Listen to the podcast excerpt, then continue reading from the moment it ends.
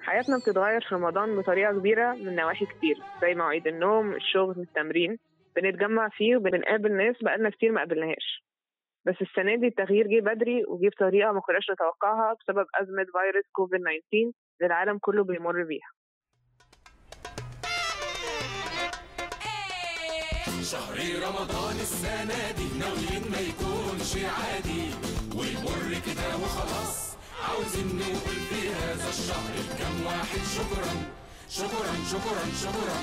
ده إعلان رمضان فودافون 2011 فاكرين كده كنتوا بتعملوا إيه ساعتها؟ عشان كده عايزين بقدر الإمكان اللي, بنمر بيه ما يمنعناش إن إحنا نستمتع برمضان ونفكر مع بعض إزاي ممكن نقضيه زي كل سنة من ساعة الفطار زي أيام ما كنا بنتفرج على بكار.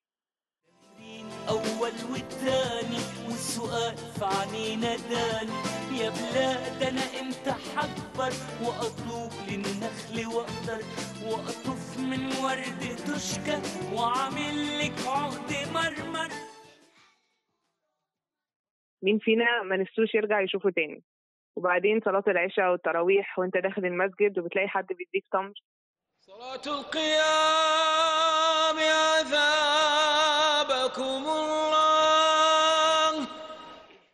أكيد كل اللي سمعتوه رجع لكم ذكريات بطريقة أو بأخرى ويا ريت تكون ذكريات حلوة زي ما حصل مع الناس دي. اللي هو اقعدوا افطروا معانا. لا ما إحنا هنلحق. لا لا لا ما فيش الكلام ده. هنقعد نفطر مع بعض وبتاع. فأنت كل ما تسيب بيت كل ما تفلت من بيت تطلع على البيت اللي بعده يبتدي معاك المشوار ده من الأول.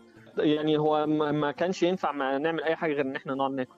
يعني آه يعني تلاقي بقى في ناس بقى خدتها على صدرها وإهانة وبتاع. لا لا لا خلاص هنقعد. يعني ما عندناش حد تاني. كان تقريبا 2012 2013 كده. آه، أنا الفترة دي كنت آه، كنت أصلا آه، بحفظ يعني قران في دار تحفيظ وكان معايا ناس صحابي اتعرفت عليهم هناك. فإحنا بقى كنا رمضان بتاع السنة السنة دي كنا بننزل كل يوم مع بعض نصلي ونقعد مع بعض أو حتى ما نصليش بس نقعد مع بعض. فهو رمضان ده كان من أكتر الرمضانات المميزة يعني بالنسبة لي بسبب وجود صحابي دول يعني فيه واللي إحنا كنا بنعمله وقتها يعني.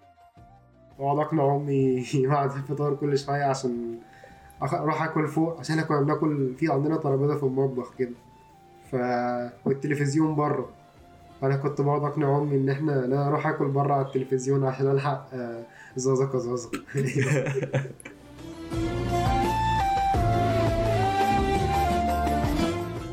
في محاولة مننا إن إحنا نحافظ على نفس الأجواء الرمضانية قررنا نقدم لكم بودكاست حكايات رمضان.